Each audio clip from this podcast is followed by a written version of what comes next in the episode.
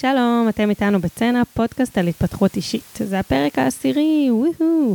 בכל פרק תמי גור ואני, ירדן ברזילי, מדברות על ספר אחר שקראתי שקשור בהתפתחות אישית, על נקודות מעניינות שעלו מתוכו, ככה מפתחות אותן. בפרק של היום דיברנו בעיקר על שני נושאים. אחד, זה מערכות יחסים לא הדדיות, שבהם יש צד אחד שהתפקיד שלו זה לדאוג לצד השני, כמו למשל בטיפול. הנושא השני שהגענו אליו מתוך זה, אה, והוא קשור, זה מה התפקיד שלנו אה, בשביל הצמיחה של אנשים אחרים בתוך מערכות יחסים בכלל, איך אנחנו יכולות לעזור, עד כמה אנחנו בכלל אמורות לעשות את זה. אז אה, תהנו מהפרק. היי, תמי. היום הבאתי את הספר מתנת התרפיה, שזה מתנה של המלצה מבן זוגך יאיר יקר. שיהיה בריא. שיהיה בריא. אה, אחלה המלצה. נמסור לו, למרות שעזרתי לו כבר כמה פעמים. כן, כן, אני מתקשה להסתיר את התרגשותי בזמן שאני נהנית מספרים, זה נכון. אה, הספר אה, נכתב על ידי פרופסור ארווין יהלום, שהוא פסיכיאטר ופסיכותרפיסט. שכתב אה, לא מעט ספרים בנושאי פסיכולוגיה, שהם ספרים אה, נגישים לקהל הרחב. מה זה אומר נגיש? כתוב קצת כמו רומן, שנית שבכה, אוקיי. תליין אהבה, ספרים שהם לקהל הרחב בנושאי פסיכותרפיה. והספר הזה, למרות שמאחורה הוא מומלץ אה, לקרוא לכל מי שלומד באמצעות אה, ליבו ולא רק ראשו, אה, הוא בעצם ספר של טיפים לאנשים שעוסקים בפסיכותרפיה. אחת מהסיבות שהוא היה קל לקריאה, כי אה, זה כי הוא מורכב מ-85 פרקים קצרים, שכל אחד מהם הוא בעצם טיפ. וואי, זה מגניב. כן, והכל עם סיפורים, אה, יחסית מאוד אה, קל לקריאה, והיה בשבילי מאוד מאוד מאוד מעניין. אה, קודם כל, למי שזה הפרק הראשון שלו, אז אני אגיד שלא תמי ולא אני נשות טיפול. אני חושבת שהדברים שמעניינים אותנו הם מאוד נושקים לתחומים האלה. זה אחד הוויכוחים שלנו גם. נכון. נשמע שכבר יש לנו רשימה. אבל, אבל הספר הזה הוא באמת רלוונטי בעיניי גם למי שפשוט uh, מתעניין uh, באינטראקציה בין אנשים בכלל, ובצמיחה האישית uh, שלנו, כי הוא בעצם, הוא מציע איך צריך להיראות, איך צריכה להיראות אינטראקציה בתוך חדר הטיפול. כשהרבה פעמים אני חושבת שאחד מהדברים ש, שלי זה עשה, זה הביא לי בעצם לקדמת המודעות, דברים ששמו אותי כאילו על, על כיסא המטופלת, אבל עזרו לי לראות את זה דרך העיניים של כיסא המטפלת. מעניין. כי, כי בעצם זה כאילו עזר לי, שוב, אני, אני, זה לא תיאור מדויק, אבל כאילו לעשות טיפול לעצמי, את מבינה מה אני מתכוונת? אה, חלקית. אוקיי, okay, אני, אני אעשה רגע איזושהי הקדמה לפני שנצלול לתוך הספר, ואני אגיד ש... שבגדול האזורים האלה של היכולת לייצר לעצמי דברים בחיים שהם אה, מקדמים ומצמיחים ואינטראקציות כאלה עם הסביבה, אבל גם עם עצמי, זה משהו שמאוד מאוד אה, מעניין אותי. כאילו יש לי תשוקה כזאת להיות גם בתוך הסיטואציות של החיים שלי, אבל גם אחרי זה לדבר, לנתח אותן. זהו, מרגיש לי כאילו צריך רגע לתת רקע למאזינים שהגעת לספר הזה, בגלל שיש בנו שיח, כי אני זרקתי ככה זה שזה אחד הוויכוחים בינינו, בגלל שיש בינינו שיח כל הזמן של האם צמיחה והתפתחות אישית, כמה זה נושק בטיפול וגם כמה בעצם אנחנו חושבות שזה נעשה דרך אינטראקציה שבה יש איזושהי מידה של הדדיות. זאת אומרת שגם אם יש מבנה תפקידי או היררכי, תמיד תהיה איזושהי מידה של הדדיות שם והתפתחות אה, של שני הצדדים, וככה הגענו לספר. אז אה, בגלל זה יאיר המליץ בזמנו על הספר הזה, וזה סתם כזה רקע של להבין אה, באיזה הקשר אנחנו מדברות עליו, ואני מחזירה לך. אז זהו, אני, אני אוסיף רגע למה שאמרת, שמבחינתי הדיון הזה הוא לא אה, אינטלקטואלי נטו, על, ה, על הצורך שלנו באיזשהו גורם חיצוני, אה, אולי סמכותי יותר, יודע הכל כזה, שיעזור לנו בחיים להתפתח, אלא... אה, אני לוקחת את זה אפילו לאיזשהו משהו שההתנגדות שלי אליו, כאילו לי יש איזושהי התנגדות אה, להיות בדינמיקה שבה יש מישהו שכל התפקיד שלו הוא, הוא להצמיח אותי, אבל אני, אין לי אחריות על הצמיחה שלו. לא משנה שבפועל כל אינטראקציה, וזה מה שהוא גם אומר בספר, היא מצמיחה לשני צדדים, אם מתמסרים אליה ונוכחים בה, אבל, אבל לי יש איזושהי התנגדות לזה, שאולי נוכל גם להביט על הדבר הזה בפני עצמו, למרות שנראה לי שאת איתי, אז אני לא יודעת כמה נוכל, ו, ולראות למה, כאילו, והאם זה, זה באמת בכלל בעייתי. אני אכנס רגע כבר לתוך הספר. רגע, לראות למה יש לך התנגדות לזה? כן, okay. אוקיי. כן. הספר, אם אני צריכה ככה לתמצת אותו, וזה שוב, זה, זה רגע באמירה מאוד שטחית, הוא בעצם אומר שמה שקורה בחדר הטיפול זאת מערכת יחסים. והמערכת יחסים הזאת, זה, זה גם מה שאני יודעת על טיפול פסיכולוגי אה, מלפני, יש בה מה שנקרא העברה, שאני שוב, אני באה, אני מראש מתנצלת בפני אנשי הטיפול שמאזינים לנו, שהמונחים שלי הם, הם שלי והם לא מקצועיים ואני לא למדתי ואני לא עוסקת בזה. אמ, שאנחנו מביאים בעצם את האתגרים שלנו עם העולם ועם עם מערכות יחסים עם אנשים אחרים לתוך מערכת היחסים עם המטפלת, אה, ודרך המערכת יחסים שנוצרת עם המטפלת אפשר להתבונן, נגיד על דפוסים, אם, אה, אם למשל אה, אני מראש מניחה שהמטפלת לא תבין אותי והיא לא תתחבר אליי וזה לא ילך, אז אולי אני עושה דבר דומה במערכות יחסים אחרות בחיים שלי, ואפשר בעצם לעשות איזשהו זום אאוט על הסיטואציה, הוא נותן ממש טיפים איך לעשות את זה בחוכמה, ככה שהצד השני יהיה פתוח לשמוע, וללמוד מזה על מערכות היחסים האחרות שלי, וההנחה היא שכשאני לומדת על הדפוסים האלה, אז אני יכולה לזהות אותם ופחות לפעול לפיהם אחרי זה. עכשיו, חלוקת התפקידים בחדר היא מאוד ברורה. לא משנה כמה מערכת היחסים בין המטפלת למטופלת היא, היא הדדית, ושתיהן מצויות, ב, מצויות בה, במובן שגם הפסיכולוגית לצורך העניין, היא, היא מתפתחת ועוברת תהליכים ורואה את עצמה באור אחר בתוך מערכת היחסים.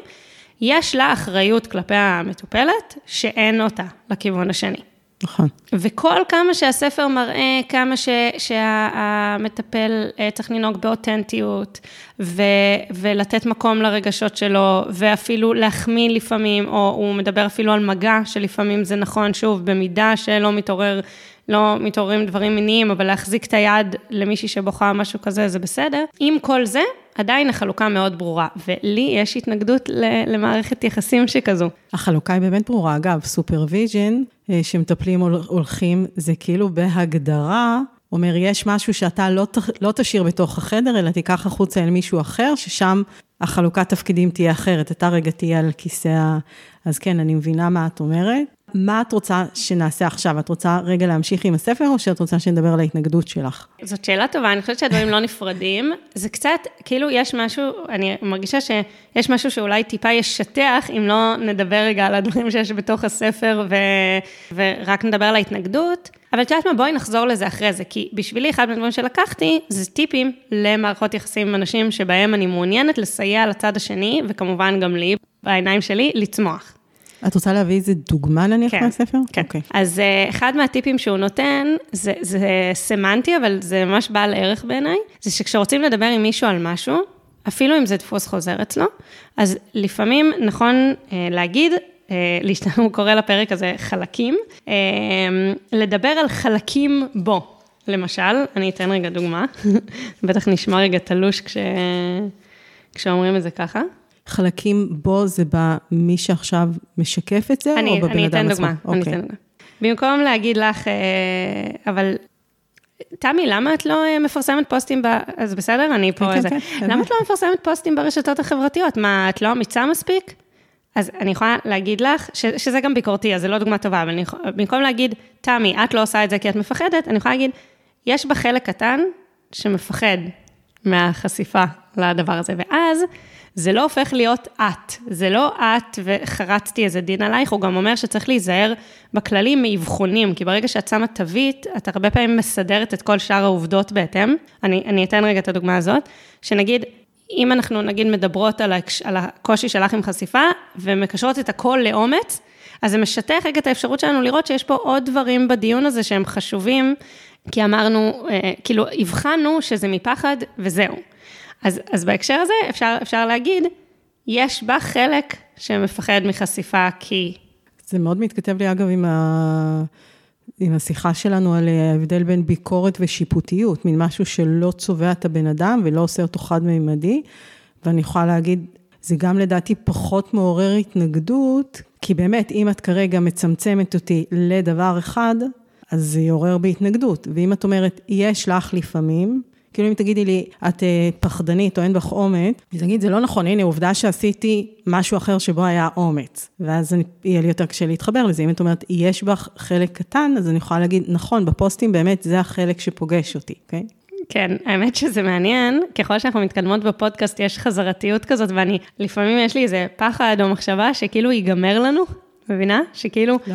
שיגמרו לנו נושא השיחה פה, כי אנחנו הרבה פעמים כבר אנחנו רק בפרק 9, 10, לא יודעת כמה, ואנחנו כבר חוזרות לדברים שדיברנו עליהם קודם, אז, אז זה מעניין אותי אם כאילו... לא, לא חושבת שיגמר, אני חושבת שזה, אפרופו התפתחות ולמידה, את יודעת שאומרים שדברים הם ספירליים והם מתחברים והם... נבנים אחד על השני, ולפעמים פתאום דרך, נניח מונח כמו פה, אז זה נותן לך עוד יותר בהירות לספר אחר, שבו ההבחנה הייתה בין ביקורת ושיפוטיות, וזה פשוט מוסיף הקשר לחיים שלנו בעיניי. כן. חושבת. נכון, לא, בקריאה אני לא חשה את החזרתיות, אז יכול מאוד להיות שמה שאת אומרת זה נכון. את רוצה להביא עוד איזושהי דוגמה כן. ככה של משהו שהוא מציע? כן, יש משהו ש... שהוא ממש מתחבר לי לעוד דברים שדיברנו עליהם, אז זה הכי כיף. יש איזה משהו מאוד נעים ומעצים ביכולת לזהות משהו אצל מישהו אחר, להגיע לאיזה תובנה, כאילו לשים לב למשהו שהצד השני לא שם לב אליו. לפעמים אני יכולה לדבר איתך נגיד, ו, ופתאום יפול לי איזה אסימון, שמה שמנע ממך לעשות משהו, או שעשית משהו בגלל איזושהי סיבה, ו, ואני אהיה כל כך גאה בעצמי שזיהיתי את הדבר הזה. ואני אביא את זה לשיחה בינינו, כי, כי זה טוב, כאילו, את יודעת, סך הכל זה בשביל לעזור לך, זה כי זיהיתי משהו ש, שאת לא ראית, או ראיתי איזה משהו נורא חכם, או חיברתי איזה חיבור שאת לא יכולת לחבר. אה, אז הוא מדבר על החוויה הזאת ש, שיש, אצל, אה, שיש אצל מטפלים הרבה פעמים של אה, אוריקה כזה, של יואו, נפל לי האסימון, הבנתי איזה משהו, ו, ושהרבה מאוד פעמים זה רחוק מלהיות הדבר המשמעותי שקורה אצל הצד השני. מה התובנה של, שלך או שלי על הצד השני? כן. מה יותר משמעותי לדעתו שקורה? אז יפה, אז, אז קודם כל הוא לא מביא דעתו, הוא דווקא אומר שהייתה לו התפכחות בהקשר הזה, הוא עשה איזשהו ניסוי נורא נורא מעניין, אני מתה לקרוא גם את הספר הזה, שהייתה לו מטופלת שהיא הייתה סופרת והיה לה מחסום כתיבה, והם עשו ניסוי, הוא הציע לה מין בארטר כזה, היא לא יכלה לשלם על טיפול יותר, בגלל שהיא לא כתבה. ואז הוא הציע לה אה, שהם יעשו טיפול, אה, היא לא תשלם לו, אחרי כל מפגש שלהם, הוא יכתוב והיא תכתוב סיכום לפגישה. ו... ואחרי כמה חודשים הם, הם קראו, הם החליפו את המכתבים וקראו את זה. ואז הם הוציאו ספר בסוף עם המכתבים האלה, אבל וזה גם עזר לה לשחרר את מחסום הכתיבה, שזה היה חלק מהמטרה שלו, אבל מה שהוא אומר, זה שהוא קלט שהרגעים הוואו האלה מבחינתו, הם בכלל לא היו הרגעים הוואו מבחינתה. היא הרבה יותר דיברה, והוא מזכיר את זה בספר כמה פעמים, על חוויות אה, רגשיות, לא על תובנות אינטלקטואליות. שאבל כן קרו מול משהו שהוא עושה או אומר בחדר? כן, איתו. Okay. אוקיי. איזשהו רגע של חיבור אה, רגשי, היה הרבה יותר משמעותי במה שהיא זיהתה להתפתחות ולטיפול, מאשר איזושהי תובנה מרתקת שהוא הגיע אליה. והוא מציע מה לעשות עם זה, אבל? כי אני שואלת את עצמי, אני אומרת, אוקיי, האמת שגם נניח בהנחיית קבוצות, הרבה פעמים אומרים לי את זה, שלמדתי למשל, שלא תמיד מה שהכי נוגע במשתתפים זה התוכן, אלא באמת משהו שקרה בחדר, בין אם זה מולי, בין אם זה מול חברי קבוצה אחרים, אה, בין אם זה באינטראקציה הקבוצתית, אה, או משהו שבא לידי ביטוי באופי של אחד מאיתנו, אבל אני אומרת, אם ככה, אז האם יש לנו איך להגביר את זה או להשתמש בזה, או שזה משהו שאין לנו שום יכולת לדעת אותו ולהשתמש בו? לפני שאני אגיד לך מה אומר, מה את אומרת? אני חושבת שיש דברים שאולי, כאילו, אני חושבת רגע על החוויות שלי מול הקבוצה, מתקשר דווקא לשיחה הזו. כן, אחד הדברים שלמדתי זה שבאמת יש משהו ב... נניח מהעולם הפרטי שלי, או בי כבן אדם, שאני צריכה יותר להרגיש נוח להביא אותו לחדר, כי הרבה פעמים באמת הוא, הוא מה שפתאום מייצר שם איזושהי השפעה, ולא לסנן אותו, לא, לא, או אני אגיד... אפילו לא, לא להחזיק רק בכובע ולשחק תפקיד של המנחה כזה, אלא מין משהו של באמת פשוט יותר להביא את עצמי. מצד שני, כן לגמרי, יש לי גם חוויה של חוסר שליטה, כי אני לא באמת יודעת, ואני חושבת שזה נכון לגבי כל מיני סיטואציות בחיים, של אני לא יודעת, הבנתי שאני צריכה לתת לזה מקום, אני עדיין לא יודעת מה בתוך זה, כן או לא יעורר או ייגע במישהו. אוקיי, okay, אני, אני, אני שומעת שאמרת פה כמה דברים אה, שהם הם, אה, אולי קשורים זה בזה, אבל אולי נפרדים. אחד זה ההבנה, הידיעה הזאת, קודם כל הידיעה שעם כל הכבוד להברקות אינטלקטואליות וכבודן במקום המונח, הם כנראה לא הדבר שעושה הכי הרבה אימפקט על החיים שלנו. ואני חושבת שבשבילי, כאילו, רק הדבר הזה רגע זה משהו ששווה להתבונן בו, כי כבר מזה זמן שאני עסוקה בכל מיני סיטואציות, כאילו עוברים לי בראש כל מיני דברים שאפשר להגיד, ואני מנסה לבחור את הדבר הכי נכון להגיד בתוך הסיטואציה. ונראה לי שהרבה פעמים התובנה היא שגם אם אני מגיעה, מרגישה שיש לי איזו הברקה, זה לא בהכרח הדבר שהכי כדאי להגיד בתוך הסיטואציה. המצמיחה. כאילו, אם אני רוצה לצאת אה, כזאת שיודעת ולבנות את המוניטין שלי, אולי כן. אם אני רוצה לתת ערך אמיתי לצמיחה של מי שמולי, ושוב, בעיניי זה קשור תמיד הדוקות בצמיחה שלי, אז לא. אז זה דבר אחד. זה אני מאוד מסכימה. כי זה, כי זה תלוי באינטראקציה ובמקום ובבשלות של הצד השני והפניות שלו כרגע לקחת את זה וזה. אבל טוב, רגע, תסיימי, ואז אני, יש לי פשוט איזו שאלה על זה. לא, אז תשאלי. כי אני אומרת לעצמי, אנחנו מדברות עכשיו רק על באינטראקציות, כי בעובדה, כל הפודקאסט הזה מבוסס על זה שאת קוראת ספרים. זאת אומרת, אני חושבת שתובנות ותוכן אינטלקטואלי הוא לא פחות משמעותי, יכול להיות, וגם לא היינו רוצות הרבה פעמים להיות באינטר... אני אומרת, גם כשאני מקשיבה להרצאת TED, או, או הולכת להרצאה, או הולכת לקורס או משהו, ברור שיש שם את האלמנט האישי, אבל גם משנה לי מה התוכן שהבן אדם מביא. אז אני לא בטוחה שהייתי אומרת שזה פחות חשוב, אני חושבת שאולי שימוש מושכל בזה, או הבנה של שזה לא הפרמטר היחיד. זה רק נ... חלק קטן מה... לא, אז בואי ניקח את זה רגע עוד צעד, אוקיי? כי okay. אני אוקיי. באמת מביטה בזה, תראי, הסיפור הזה, אני שנייה, אני מרגישה צורך כאילו לעשות איזה משהו הוגן ולהגיד, הספר הזה הוא על טיפול ועל מתנת התרפיה. זה לא בדיוק מה שאנחנו מדברות כאן, נכון. אז זהו, אז זה רק הייתי, הרגשתי צורך אה, להניח את זה רגע. עכשיו, לגבי אה, מה שאמרת עכשיו... אבל אנחנו תמיד עושות את זה, לא לוקחות ספר ולוקחות אותו אל המחוזות שלנו. כן, אבל פה זה ממש כאילו, הוא מדבר על מערכת יחסים של מטפל-מטופל, ואנחנו מדברות על כל אינטראקציה. נכון, נכון.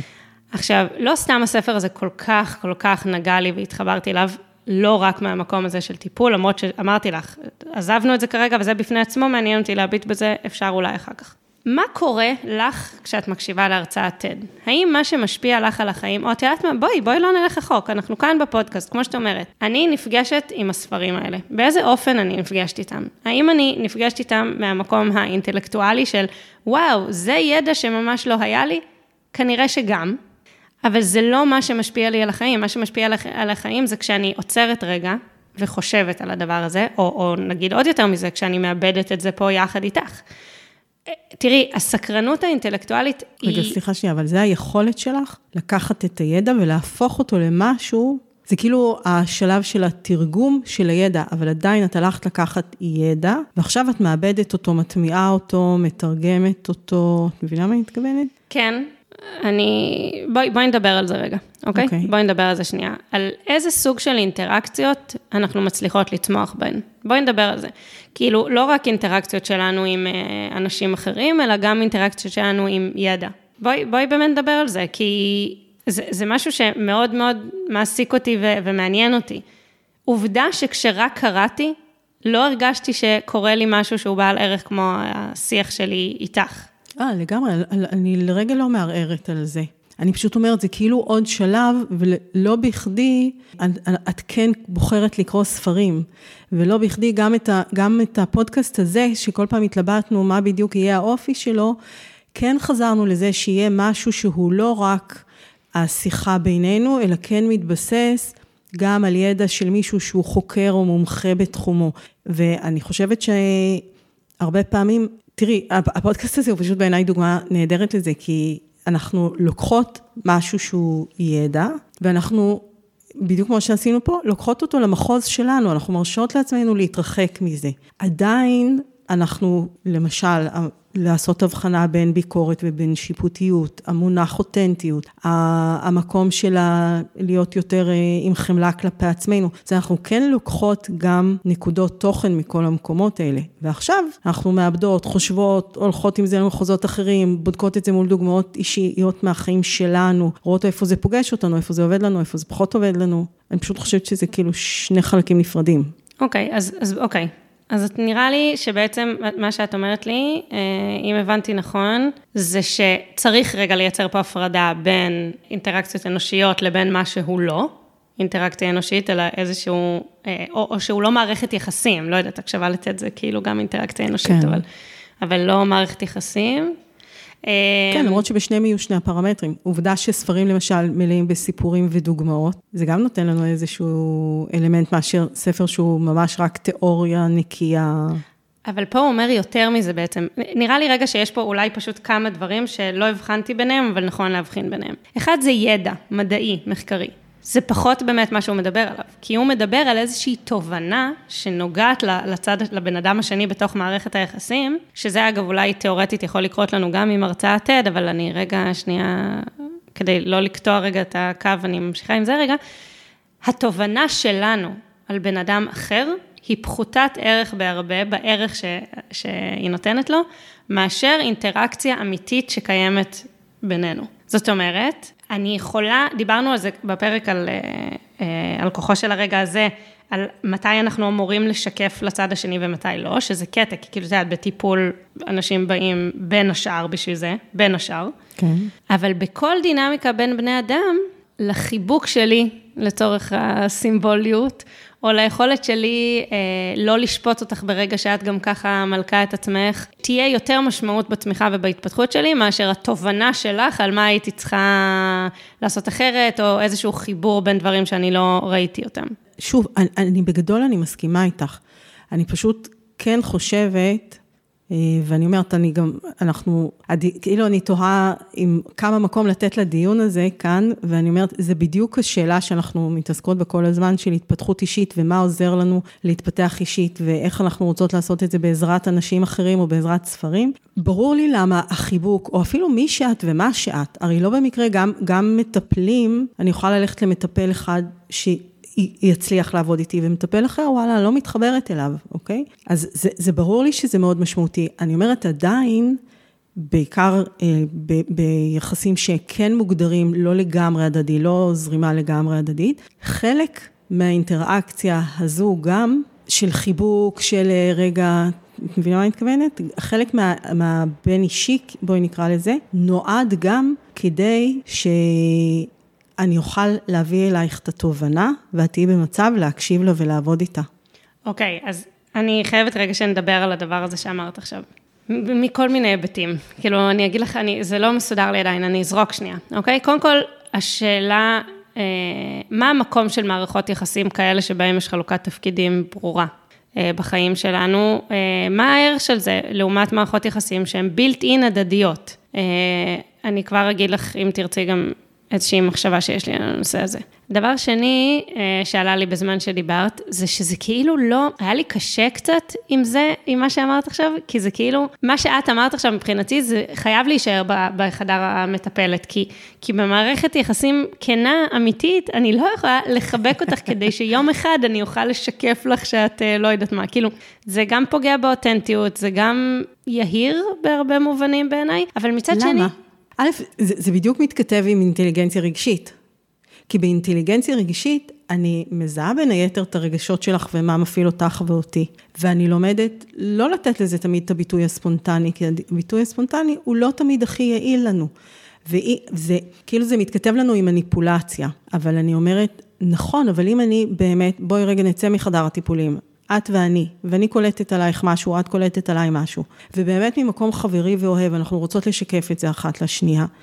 עדיין אנחנו נשתדל לעשות את זה בטיימינג ובצורה שבה השנייה יכולה לעבוד עם זה, ולא אם אני היום באה אלייך כולי מבואסת ממשהו, אז היום את פתאום תתני לי תובנה על משהו שלא מוצלח בי, לא, אני לא במצב כרגע לקלוט את זה ולעבוד עם זה. נכון, במובן הזה, אני גם לא חושבת שזה מניפולציה להקשיב לצד השני ולהיות אה, רגישה אליו. לא, נכון.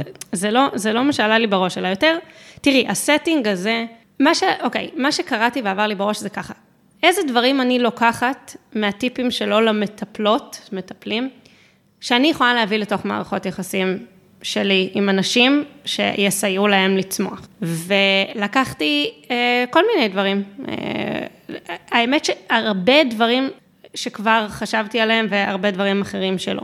אבל מה שאותי עניין פה זה המטה, המבט על הזה, של רמת המודעות והאחריות שקורית בתוך אה, מערכת יחסים כזו. מה, אני אסביר מה אני מתכוונת.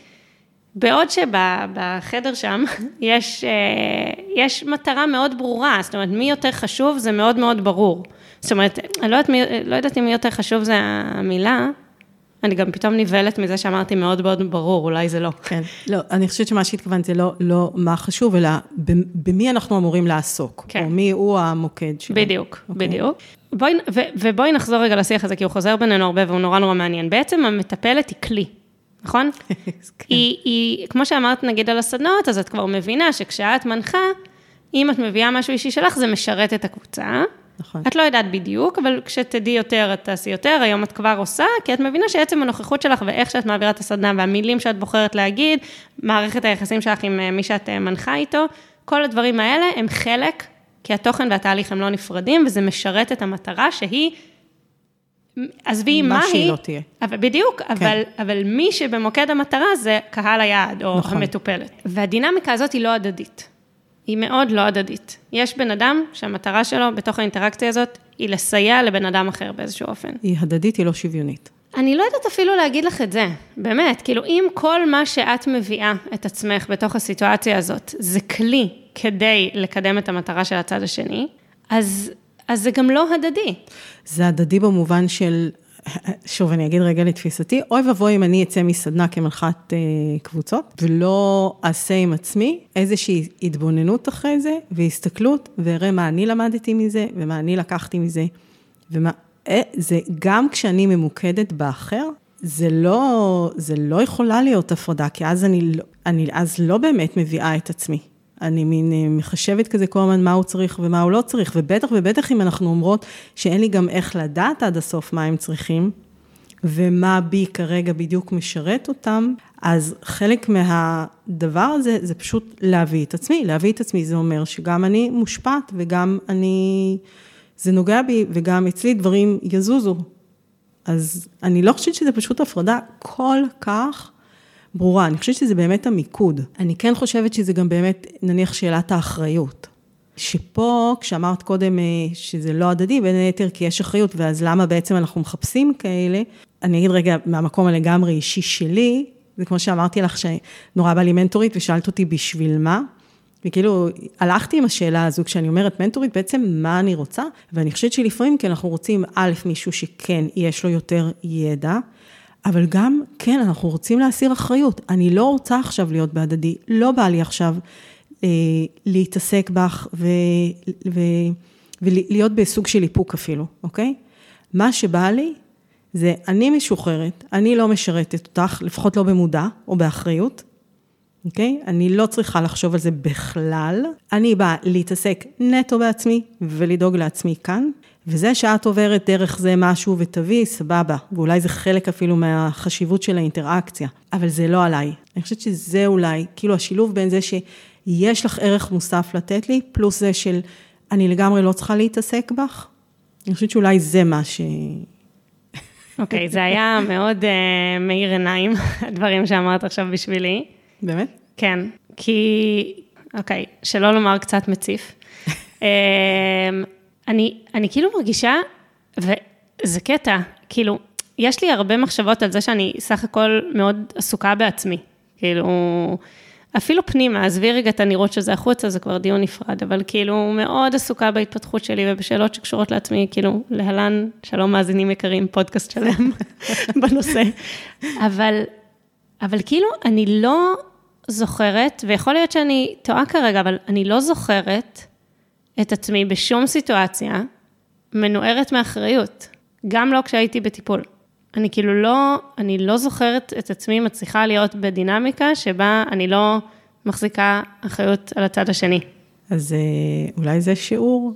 אה, באמת, אני אומרת, את יודעת, כמו שדווקא אני לומדת ממך, לפעמים, זה כמו, אני לפעמים לוקחת אחריות ואת אומרת לי, אל תיקחי שם אחריות, ולפעמים אה, הפוך, את אומרת לי, כן, תמיד תביאי בחשבון את הצד השני. ואני כרגע בלמידה של שני הדברים, במידה רבה בעזרתך, ואני אומרת, יכול להיות שגם לך יש, כאילו, נניח, אני מאוד לומדת ממך, אה, פחות באמת לפחד להביא את עצמי ולבקש משהו באינטראקציה, ולא לא להחזיק. אוקיי, אולי זו המילה. אני לומדת ממך במידה מסוימת, לא להחזיק כל הזמן, או להיות באיפוק או בחישוב, אה, ולפעמים להביא את עצמי בלי לדעת מה יקרה שם. ואני חושבת שאת אלופה בלדעת להביא את עצמך ולבקש, ואולי באמת קצת השיעור שלך באיזשהו חלק קטן, זה, זה דווקא לפעמים לגמרי לשחרר. שזה כזה קטע, אני שומעת אותך אומרת, ואני מרגישה כאילו, הלהחזיק הזה, והלקחת אחריות, זה איזה משהו שכאילו מגיע עליו פרס, ותוך כדי שאני אומרת שאני לא מרגישה שאני מצליחה לשחרר, אני גם לא מרגישה שמגיע לי הפרס. אני, כאילו משהו, תוך כדי שדיברת, חשבתי שנכון, אם אני יודעת לעשות כל מיני דברים שאני יודעת שלא יתקבלו טוב, או שאני משאירה לאנשים אחרים את האופציה להגיד כן או לא, ואני כאילו שמה את הרצונות שלי על השולחן, אז בעצם אני לא לוקחת אחריות עליהם. זאת אומרת, אני, נכון. אני, אני לוקחת אחריות על עצמי, אני לא יודעת איך אנשים יגיבו. אני אפילו יותר מזה, כשאני כותבת כל מיני פוסטים בפייסבוק, גם חלקם חשופים וחלקם כאילו מרימים לעצמי על הצלחות שלי או זה, אני מתארת לעצמי שיש אנשים שזה לא נעים להם או מתאים להם, ואני לא לוקחת אחריות על התחושות שלהם, אבל כאילו בדינמיקה של שיחה, אני לא יודעת, טוב, אוקיי. אני, אני מרגישה שכאילו אנחנו נכנסות קצת למקום של אה, טיפולי, שזה מקום שאנחנו שנינו מאוד לא רוצות להיות בו, mm. ולא מתיימרות להיות בו, אבל מה שבא לי להגיד, זה, אני באמת, באמת חושבת שזה אחד הדברים שאני לומדת ממך אה, לחזק אותו. זה באמת המקום האינטראקטיבי ולא של חלוקת תפקידים ביחסים, ובאמת הצמחה הדדית ואחריות הדדית וכולי. אבל בא לי להגיד לך, וואלה, כן, תפרגני לעצמך לפעמים, להיות סופר אגואיסטית. לא להחזיק משהו הדדי. שהצד השני ידאג להדדיות במקרה הזה, אם צריך. כן, לפ... הביטוי הזה על ספת המטופלים, הוא מייצר בי ממש חוויה פיזית של הרפייה. אני פשוט שם אהיה בהרפייה, ואני באה למישהו אחר, שבזכות מישהו ובזכות הידע שלו ובזכות ה setting, הוא יחזיק את מה שצריך, ואני אהיה בהרפייה. מה זה הרפייה? סתם, סתם. טוב. טוב, זה היה בשבילי מאוד uh, פוקח עיניים, וגם uh, האמת שאחרי הרבה פרקים שבהם מצאנו על מה להתווכח, היה לי משהו נעים בשיח, שהוא היה באמת אולי יותר טיפולי, לא יודעת. פחות עמדות, אני חושבת. יכול להיות, אז תודה. תודה לך. נשמח מאוד לפגוש אתכם בכל צורה, דברו איתנו, משהו שעלה לכם, איזושהי נקודה שלדעתכם... הלכנו לכיוון שלה ועזבנו והייתה מעניינת או משהו שפספסנו, אנחנו באמת צמאות לדיון. נתראה בפרק הבא. ביי.